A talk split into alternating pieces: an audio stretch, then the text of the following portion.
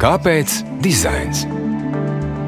Sveiki, darbie radioklausītāji! Šodien raidījumā Kāpēc dizains runājam par to, kā līdzdarbošanās dizains un iedzīvotāju aktīva iesaista apkārtējās vidas veidošanā var palīdzēt veidot ciešāku un aktīvāku iedzīvotāju kopienu, kurai rūp sava pilsēta.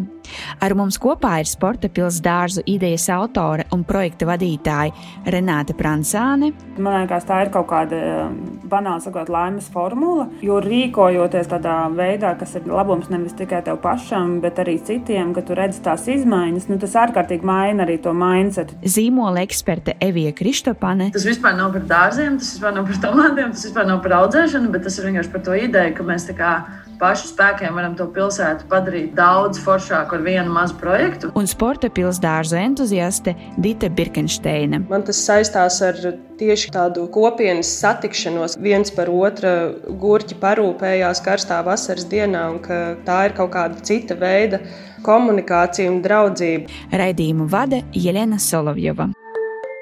Runājot par sporta pilsētas dārziem, izstāstiet, lūdzu, kā šī ideja ir tapusi un kāpēc, jūsuprāt, Rīgai ir nepieciešami dārzi un pļavas pašā pilsētas sirdī. Tā ideja tapu no tā, ka um, es pati ļoti vēlējos dārza un apzinoties, cik daudz laika es vispār varētu tam uh, ikdienā veltīt, apzinoties to, cik ļoti es aizraujos ar idejām, bet tad uh, bieži diezgan ātri apnīk tādas jaunās apņemšanās. Tad es sapratu, ka, ja man tas dārzs tā teiks būs pa acīm visu laiku, tad noteikti es viņam pievērsīšu arī vairāk vairāk uzmanību, un man vienkārši būs vieglāk arī par viņu rūpēties. Protams, arī ir pandēmijas apstākļos, kad vispār ir ilgas pēc dabas. Es kaut kā sasamējos ar to, ka man ir sporta pilsēta teritorija pāri ielai kaut kādā pagājušajā gadā. Domāju, nu, ka tā varētu būt tā vieta, kuras varētu savu to dārzu arī ierīkot. Un tad, protams, ka tā teritorija ir tik liela, ka man liekas, nu, ka tad var ierīkot arī vairākus dārzus un tad pie reizes varbūt ir vēl kāds, kurš viņus vēlētos, un tā arī kaut kā tā ideja aizsākās, un pēc tam jau, protams, par viņu domājot plašāk, ko tas nozīmē un ko vēl ar to var izdarīt, un patiesībā kā tie dārzi ir būtisks rīks vispār tajā sabiedrības kaut kādā veidošanā vai saliedēšanā, un, un domāju par to, cik daudz ir apkārt mājas, un ka es nepazīstu savus kaimiņus.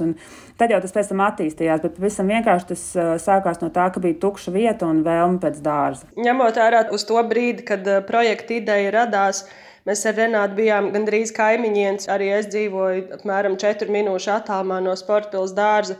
Tad uh, visu pagājušo pavasaru un vasaru sapņoju par to, ka es varētu audzēt dažādus garšaugus un puķus, jo manā mājoklī, diemžēl, tas bija ierobežoti. Tad es biju ļoti priecīga, ka šī iniciatīva materializējas un ka tas var būt ne tikai sapnis, bet tāda pavisam īsta lieta, ka es varu turpat pie mājas, pilsētas centrā audzēt to savu tomātu, dilli un cīpolu saviem vasaras salātiem. Tā galvenā motivācija, ka tas viss notiek pilsētas centrā, kur es dzīvoju, bet tas ir ļoti sasniedzami. Paldies! Nu, es sadzirdēju vairākus vārdus saliedēt audzēt, iepazīt kaimiņus. Varbūt ir vēl kāda lieta, kā mums šie dārzi var būt kā pilsētniekiem noderīgi tieši šajā lokācijā.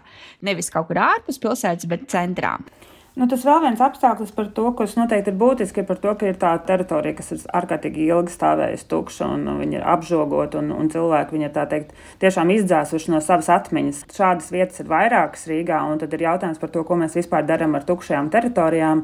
Ko dara pašvaldība ar tukšām teritorijām, kā pašvaldība var nezinu, motivēt eh, privāti īpašnieks ar viņām rīkoties, un ka patiesībā šādi dārzi vai tā bioloģiskās daudzveidības nodrošināšana, arī kamēr tur kaut kas nenotiek, tajā starposmā ir ļoti laba atbilde. Kā, kas ir tas, ko var darīt? Jo mēs ar Reviju daudz esam par to arī diskutējuši, nu, ka dārzi ir viena no versijām, kas šajā teritorijā var notikt. Ir ļoti daudz citas lietas, kuras mēs arī esam gatavi testēt, ja, teiksim, dārzi pēkšņi neizdosies, lai gan šobrīd izskatās, ka tā nebūs. Tā kā tas ir noteikti arī par to zaļām telpām pilsētā un, un, un, un neizmantotām teritorijām. Evija, varbūt ir kāds papildinājums? Es saprotu, ka tā bija pirmā lieta, ko es sajūtu par tiem dārziem. Kad man Renāta pirmo reizi pastāstīja, ka tas vispār nav par dārziem, tas vispār nav par tomātiem, tas vispār nav par audzēšanu, bet tas ir vienkārši par to ideju, ka mēs tā kā pašu spēkiem varam to pilsētu padarīt daudz foršāku ar vienu mazu projektu. Kaut kādu pāris cilvēku entuziasmu tu vari jau sākt darīt kaut ko, kas potenciāli būs rīktīgi liels un noderīgs un foršs, un kur cilvēkiem gribēsies pavadīt laiku.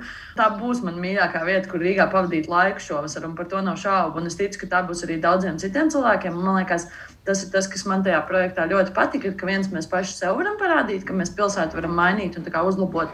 Un to nav vajadzīgs neko gaidīt, lai saņemtu kaut ko foršu notis. Man liekas, arī citiem cilvēkiem parādīt. Nav tik grūti pašiem savu pilsētu uzlabot un, un padarīt tādu, kādu mums viņa gribās redzēt, vai tādu, kādu mēs viņu gaidām. Viena no lietām, par ko es gribēju jums runāt, ir tieši šī iniciatīva, katra cilvēka ieinteresētība veidot apkārtējo vidi.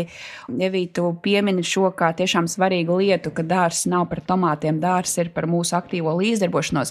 Bet kā jums šķiet, nu, kāpēc vispār cilvēkam būtu jāiesaistās? Nevis, piemēram, tikai jākomentē vai jāpauž viedokli, bet tiešām jāiesaistās, jābūt aktīvam. Kā tas ilgtermiņā var palīdzēt gan pašam cilvēkam justies labāk pilsētā, gan arī pilsētai izaugt? Jā, man liekas, ka tas, par ko ļoti daudz tagad runā un pēta tādā pilsētas kontekstā, un tas vairāk ir tā antropoloģiski, cilvēki nu, nekur nejūtās tik vientuļi kā pilsētās, kā vietās, kur viņiem ir apkārt nenormāli daudz cilvēku patiesībā. Un, Man liekas, ka tas, ko mēs arī novērojām ar tiem notikumiem, kas mums jau līdz šim ir notikuši sporta pilsētas dārzos, ir, ka kaut vai tādas mazas lietas kā talkas, kur cilvēki atnāk un kopā satiekās un kopā sakopja savu piemājas laukumu, kopīga iesaistīšanās vienam mērķim, tev ļauj īstenībā justies tik piederīgam un tik pazīstamam un tuvam tai videi. Tas ir viens, un otrs, man liekas, ka tas rada tādu atbildības sajūtu par to vietu, kur tu dzīvo. Man liekas, dzīvojot pilsētā, ir diezgan nepareizs pieņēmums par to, ka nu, viss mums ir nosarvēts un viss tur ir un viss ir lieliski, bet mēs īsti nekam no tā nejūtamies piederīgi. Un tad, man liekas, sporta pilsēta dārza ir tāda ļoti laba vieta, kur cilvēkam veidot pirmkārt kaut kādu asociāciju ar to projektu, ar tiem cilvēkiem, veidot kopienu, bet arī asociāciju ar to pilsētu un kaut kā vienkārši justies atbildīgākam par to vietu, kur viņš dzīvo. Absolūti piekrītu tam, ko arī saka. Domāju, kāpēc cilvēkiem tas ir jādara. Man liekas, tā ir kaut kāda banāla sakot, laimes formula. Jo rīkojoties tādā veidā, kas ir labums nevis tikai tev pašam, bet arī citiem, ka tu redzi tās izmaiņas, nu, tas ārkārtīgi maina arī to mindset. Ja 150 cilvēki pieņem, ka mēs varam būvlaukumā, būvbedrē uztaisīt dārzus, un es esmu diezgan droši, ka viņi arī varbūt uz kaut kādām citām lietām būs daudz atvērtāki un paši inovatīvāki un radošāk domājoši. Un tas vienkārši kaut kā liek pašam justies labāk, justies enerģiskākam, piederīgākam, just tādu kā atbalstu un tiešām, ja tu neesi vientuļš ir jāatmet tā doma, ka mēs visu laiku sagaidām, ka kāds mums visu noservēs. Un, man liekas, tā dinamika, kas ir starp iedzīvotājiem un pašvaldību vai valsts sektoru, nu, ir absolūti nepareiza. Nu, kad visu laiku liekas, ka tur ir 100 cilvēki vai 60 cilvēki, kur visu izdarīs, un ka tu visu laiku tikai saki, ka vēl nav, un vēl nav, vēl nav. Bet mēs nevaram kā, sagaidīt, ka pāris cilvēki izdarīs visu. Un, jo patiesībā, ja mēs katrs savos kvadrātmetros jau veicam kaut kādas izmaiņas, tad kopā mēs arī ejam tajā virzienā domāju, tā ir tāda arī atbildības uzņemšanās diezgan spēcīga. Es piekrītu argumentam par vientulību pilsētā, bet uh, es viņu droši vien nosauktu drīzāk par atsvešinātību. Un uh, viena no tām lietām, ko es ieguvu līdz šim piedaloties projektā, ir tas, ka es jau sāku saprast, kas ir tie cilvēki mazliet lielākā mērogā, kas ir mani kaimiņi un kas dzīvo man apkārt. Viena no tām lietām, kas man ļoti patika, ir redzēt, ka arī tuvākie kaimiņi ir ļoti forši, atsaucīgi, rosīgi cilvēki ar fantastiskām idejām un vēlmi strādāt, fiziski strādāt, kas man šķiet ir nu, tāda ļoti burvīga kvalitāte, ko es novērtēju cilvēkos. Man ir ļoti liels prieks, ka arī pilsētas centrā dzīvojoši cilvēki ir eh, ļoti aktīvi un strādāt griboši cilvēki. Atgriežoties atpakaļ pie um, tādas praktiskās realitātes, tā tad ideja ir dzimusi, talkas ir bijušas, kaimiņi jau nedaudz ir iepazīti, arī meistarklases kļuvušas aktuālas. Kas mūs sagaida tuvākajā laikā, kad sporta pilsētas dārzi būs pieejami, kuriem cilvēkiem tie būs pieejami un kā vispār no praktiskā viedokļa notiks visa šī burvīgā saimniecība pilsētas centrā? Šobrīd notiek aktīva dārzu iekārtošana. Piemēram, bija tāda mazā tālka, kur mēs salikām paletes, tur, kur atradīsies tās dārza kastes. Tad ir lielā tālka, tāda ļoti sarežģīta schēma, kā mēs organizējam teikt, 140 individuālas talkas. Mēs nodrošinām kastes un augsti, un cilvēki liks kopā tās savas kastes, un tad nākamā dienā jau liks iekšā tos stādus un sēklas un tam līdzīgi. Bet nu, pagaidām mums vēl ir pāris lietas, kas jāatrisina. Ūdens padeve un uh, elektroniskās durtiņas, lai katrs dārznieks var nākt savā laikā, nu, restīt tādas infrastruktūras lietas, kuras mēs plānojam sakārtot līdz maijam.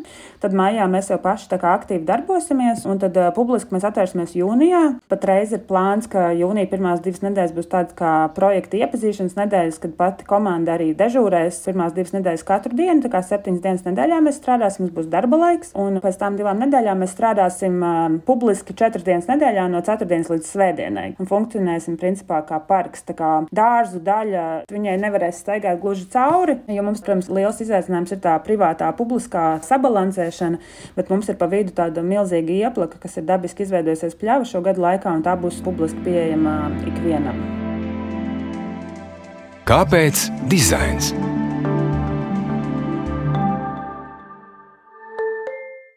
Nu, tad eh, pie tā dizaina. Viena no lietām, eh, kas izskan jūsu komunikācijā, ir tas, ka dārzs būs pieejams arī cilvēkiem ar kustības traucējumiem. Cik svarīgi ir runāt par šiem jautājumiem un veidot publisko telpu, kas tiešām ir pieejama visiem, un kā to darīt praktiski. Tas, ka tas ir svarīgi kaut kā tā iekšēji, jau ir liekas, visiem tāda sajūta, un skaidrs, ka par to ir jārunā, un tam ir jābūt. Es domāju, ka mūsu gadījumā mēs uz to pieejamību un tieši pieejamību cilvēkiem ratiņkrēslos, jo tas ir tas, ko mēs tā kā esam nodrošinājuši dārziņu kontekstā, nestījāmies īsti kā uz tādu dizaina izaicinājumu vai tādu tā globāli. Mēs vienkārši tas mūsu mērķis bija padarīt to vietu pieejamu pēc iespējas plašākam cilvēku lokam. Man liekas, tas bija tas jautājums, ko mēs sākotnēji uzdevām. Tur nebija pašmērķis varbūt nodefinēt sākotnēji, kādas grupas mēs iesaistām, bet vairāk kā, okay, kā mēs varam to teritoriju padarīt pieejamu, kā mēs varam izdarīt tā, lai ir ērti senioriem, lai patīk ģimenēm, lai ir ērti jauniešiem, lai arī cilvēki ratiņkrēslos var tikt. Un tad mēs kaut kā izējot no tā skatu punkta, sākam tas uh, risinājums kaut kā meklēt un par to domāt. Tad arī sākās tas sarunas ar uh, apēnu, kur viņi mums palīdzēja ar konsultāciju un, un saprast, kas tajā vidē ir vajadzīgs. No manas perspektīvas, esot dizaina industrijā, man liekas, tas ir jautājums, ko dizaineri, piemēram, uzdod, nezinu, tur arī taisot mājaslapas vai taisot mēbeles, viņiem ir jāuzdod tas jautājums, vai šo var nolasīt, vai šo var izmantot kaut kādas cilvēku grupas, kuras varbūt neesmu es, bet par kurām kā, man vajadzētu padomāt. Man liekas, līdzīgi bija arī tajā dārziņa kontekstā. Nu, kā, mēs trīs jau neesam vienīgās, kas ies uz tiem dārziem. Nu, kā lai tur tiek arī citi cilvēki? Un, uh, tas bija kaut kāds mans skatu punkts.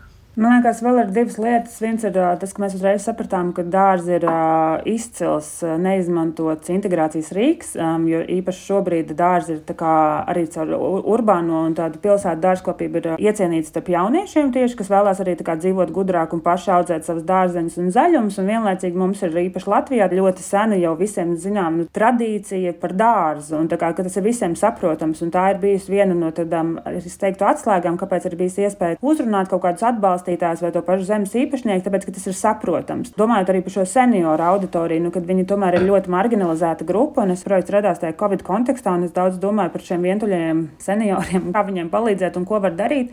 Un tad kaut kā mēs sapratām, nu, ka šis ir arī tas projekts, kur mēs varam viņus integrēt. Un vienlaicīgi arī domāju par tiem dārziem, kā izglītības programmu. Protams, ka tas seniors patiesībā pamāca arī tam jaunietim, kurš ir blakus dārzā, kurš var pastāstīt, kuras padusītas tomātam izplūkt un kā ko darīt. Nu, tā, kad mēs arī nododam tās zināšanas, un seniori jūtas daudz piederīgāk, kas ļoti ātri patiesībā parādījās bija ārkārtīgi aizkustinoši, ka mums bija viena seniora dāma, kas rakstīja, pirms tam ir bijis ļoti vientuļa, bet tagad viņai ir daudz jaunu draugu. Viņa jūtas daudz laimīgāk. Viņa nevar sagaidīt, ka varēs saimniekot tajos dārzos. Kas ir vēl viena tā ļoti spēcīga marginalizētā grupa, ir cilvēku ratiņkrēsla un cilvēku vispār kustību traucējumiem. Un to bija teikt, salīdzinoši viegli izdarīt, jo tā teritorijas savdabīgums pieprasīja arī izmantot teikt, kastu sistēmu. Jo es personīgi neko nesaprotu par dārzkopību. Man liekas, ka mēs vienkārši to būvbedru aizbērsim ar zemi un taisīsim tradicionālus dārzus. Tad diezgan ātri paldies tiem iesaistījās arī Ilza Rukšāna ainava arhitekts, kas pateica, ka tas vienkārši vispār necik nav iespējams. Mēs nonācām, ka mēs taisām apkārt pa perimetru šos dārzus un ka mēs izmantojam to kastu sistēmu, kas ir absolūti izcila, jo viņi ir vienkārši ērti lietojami un arī var nodrošināt nodrošināt to augsnes kvalitāti, bet arī cilvēkiem, senioriem, cilvēkiem ar traumām. Un tad loģiski arī, protams, ka cilvēkiem ratiņkrēslā un kustību traucējumiem, tad kopā jau ar otru atbalstītāju Kronus, kurš uzreiz arī teica, hei, mēs varam uztaisīt tādas kastes, kur var iebraukt ar to ratiņkrēslu apakšā. Tas kā kaut kā tas cēlās no problēmas, arī parādījās risinājums, ar ko mēs varam tā teikt vairāk arī iesaistīt un, un integrēt konkrēto grupu. Vēl viena lieta, kas izskanēja, ka dārza kultūra mums ir sena. Un tā patiesi ir.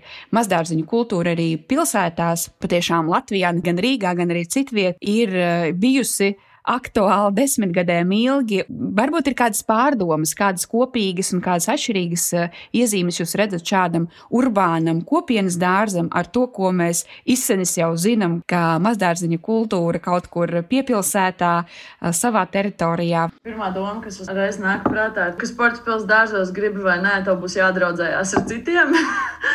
un man liekas, ka tā ir tā galvenā atšķirība starp mazdārziņu. Es atceros, ka bērnībā arī vecākiem bija mazdārziņš, bet nu, kāds mazdārziņš strādāja, kad no rīta tur 6.5. uzkāpa uz velosipēdu aizbrauc, un tad viens pats tur uzšinies pāris stundas un aizbrauc mājās. Un, kā vēlams, nevienu nesatiec pa ceļam. Un pats savā dārziņā, pats savus kāpostus, pats savus tomātus un visu arī pats apēda. Skaidrs, ka sporta pilsētas dārzos būs šie individuālie dārziņi, un katram būs tās savas kastes un tā sava teritorija, bet viņi nebūs nekā nožogoti. Tie dārziņi stāvēs vienkārši tur būs attālums pa vidu starp tiem cilvēkiem, un tur būs diezgan liela kopīguma sajūta un, man liekas, arī kopīga atbildības sajūta par to, kas aug arī kaimiņu kastē. Eksperiments, man liekas, ļoti labi piemērots latviešu sabiedrībai kā, vai mēs vispār spējam atvērties, vai mēs spējam sadraudzēties, vai mēs spējam kaut kā nezinu, nesatraukties par to, ka tur kāds izraus manu burkānu. Un, tā kā visai pilsētai ir forši, ka mēs tur audzējam tomātus. Man liekas, tā ir tāda būtiska atšķirība. Tad, kad mēs sākām to projektu, protams, bija ļoti daudz pozitīvu komentāru, bet bija arī cilvēki, ka jā, nu, tagad tur būs nezinu, sasistas siltumnīcas centrā. Un, un restīvi, tā asociācija ir ar Lucavas salu un, un tādiem tradicionāliem mazdārziņiem. Un līdz ar to mēs arī kaut kā tā nesaucam sevi par mazdārziņiem, bet par pagaidu dārziem, kas jau aiziet atkal tajā vēl vienā jautājumā par to estētiku un dizainu, kas mums ir ārkārtīgi svarīgi, ka viņi ir estētiski, sakopti un skaisti. Nu, kā mainīt arī to stigmu par to, ko nozīmē mazdārziņš, ka viņš nav aizaudzis ar vecu vecu logu sasistu šķūni, kas arī ir absolūti superīgi, bet tas nav vienīgais, ko nozīmē dārzkopība šobrīd, un ka patiesībā ir daudz dažādi citi veidi, arī nu, ļauj daudz gudrāk patiesībā un dabai draudzīgāk saimniekot. Un tā ir kaut kāda jaunā mazdārziņu realitāte. Man par mazdārziņiem ir atmiņas no bērnības, jo dažādiem maniem radiniekiem vienmēr ir bijuši un mums pašiem mazdārziņi, un man tas saistās ar tieši tādu kopienas satikšanos, viens par otru gurķi parūpējās karstā vasaras dienā, un ka tā ir kaut kāda cita veida komunikācija un draudzība, kas izveidojās. Tā noteikti ir viena no tām lietām, uz ko es arī ceru sporta pilsētas dārzos. Vismaz es personīgi, kā dārza lietotājs, uz šo projektu vairāk skatos kā uz tādu procesuālu notikumu un piedzīvojumu. Tieši tas viss, kas notiks pa ceļam, kamēr mēs atradīsimies visi dārzos, tā būs tā lielākā vērtība, ko mēs iegūsim. Par sporta pilsētas dārziem mēs varam uzzināt skaidri, konkrēti, grafiskā valoda ir izteiksmīga, ilustrācijas ir aci piesaistošas. Mani personīgie novērojumi rāda, ka līdzīga veida brīvprātīgām iniciatīvām nu nevienmēr ir laiks padomāt par eh, komunikācijas jautājumiem vai padomāt par to, cik izteiksmīgi tas ir vai nav. Un šķiet, ka nu, kaut kādā tad, kad būs vairāk laika, kad būs vairāk naudas un tas nekad neiestājas, tad par to domāsim. Kāpēc, jūsuprāt, komunikācija ir svarīga un kāpēc par to ir svarīgi domāt eh, bez maz vai uzreiz, tikko tā ideja ir radusies? Tā vīzija, ka būs vairāk naudas, tad to sāksim darīt, nekad nebija, jo naudas nebija jau pašā sākumā. Tas, kāpēc mūsu projektā tā bija, ka vienkārši savācās uzreiz ļoti agri daudz cilvēku tajā kodola komandā, kuriem tā estētika vienkārši bija svarīga. Pirmkārt, jau Renātei tas bija viena no pirmajām lietām, liekas, ko viņa pateica, ka nu, gribās, lai izstāsta skaisti un lai ir estētiski un lai tā ir tiešām forša daļa no pilsētas. Un tad viņi uzrunāja mani un es pati esmu dizaina industrijā no zīmoliem strādāju, un tas skaidrs, ka man tas arī automātiski svarīgi. Man liekas, arī tā pārējai kodola komandai īstenībā bija tā, ka negribējās, kā Renāta teica, tādu klasisku, varbūt eh, pilsētas mazdārziņu stereotipu uztaisīt. Bet, lai viss ir estētiski, mēs uzreiz uzrunājām Rūtu Jumīti, kas ir grafiskā dizaina un Ester, kas ir eh, mūsu viesmāksliniece. Ļoti, ļoti spēcīga cilvēku grupa, kuriem tās lietas vienkārši ir daļa no dzīves un daļa no ikdienas. Tad automātiski likās, ok, ja mēs esam tie cilvēki, kas taisa to projektu, tam ir jāizskatās ļoti labi. Nu, ņemot vērā manu pieredzi kā projektu vadītāja vai kāda projekta organizātora Evijai dizainā, un kā, kam mēs pievērsuši savu uzmanību un kas mums ir vispār svarīgi bijis iepriekšējos darbos, tur vispār nebija izredzes, ka mums nebūs mājaslapas vai ka mums nebūs logo vai ka mēs es nezinu, nestrīdēsimies un nedomāsim trīs mēnešus par to, kāpēc mums ir rūtiņas vai kā mēs gribam savādāk. Par to dizainu ļoti ilgi ņēmāmies. Kas arī ļoti palīdzēja vispār pašiem sev artikulēt, kā mēs gribam to projektu redzēt. Tur tiešām Evija ir bijis milzīgs spēks un, un, un Rūta, Jumīt un arī Ester. Un, protams, arī tas, ka visiem, kas ir iesaistīti, tie dārzi ir ārkārtīgi mīļi. Un es nekad nebeigšu teikt, cik pašaizliedzīgi visa komanda strādā un ka tiešām nu, ir gatavi tur starp visiem pārējiem darbiem tam veltīt laiku, jo visi saprot, ka tas ir absolūti svarīgi. Un es domāju, ka caur to dizainu un caur to mūsu pieeju un domāšanu arī mēs varam mainīt, ka arī tā iedzīvotāja pašiniciatīva automātiski nenozīmē zemu kvalitāti un ka viņi patiesībā var būt ļoti augstas kvalitātes. Es gribu tikai papildināt, ka mēs nevaram pietiekami uzsvērt tas, ka visi strādā bez maksas, jo patiesībā viena no tām problēmām ar labo dizainu un profesionālo darbu rodās priekšstats, ka mums ir daudz naudas. Es saprotu, tāpēc, ka varbūt tieši tā nav pierasts, ka vienkārši arī bezpeļņas, un pat ne bezpeļņas, bet bez naudas projekti var, var tā izskatīties. Absolūti neviens nekad nav saņēmis naudu par šo projektu, un, un visi strādā te, jo es nezinu, pat vairāk kā puslodzi. Tā kā tas ir iespējams noteikti. Milzīgs paldies komandai! Patiesi paldies komandai, un paldies arī jums par šo burvīgo sarunu, un paldies arī par jūsu laiku, ko jūs tik pašaizliedzīgi investējat un uh, iedvesmojat gan viens otru strādājot kopā, gan iedvesmojat arī savus kaimiņus un arī tālākos kaimiņus. Cilvēcīgs paldies par jūsu projektu, un es ceru, ka jau visi mēs tiksimies dārzos un baudīsim to jau šovasar. Redījums, kāpēc dizains ir izskanējis, paldies, ka bijāt kopā ar mums. Sarunā par sporta pilsētas dārzu iniciatīvu piedalījās Renāte Pransāne, Evija Kristopane, Dita Birkensteina un es Jelena Solovjova.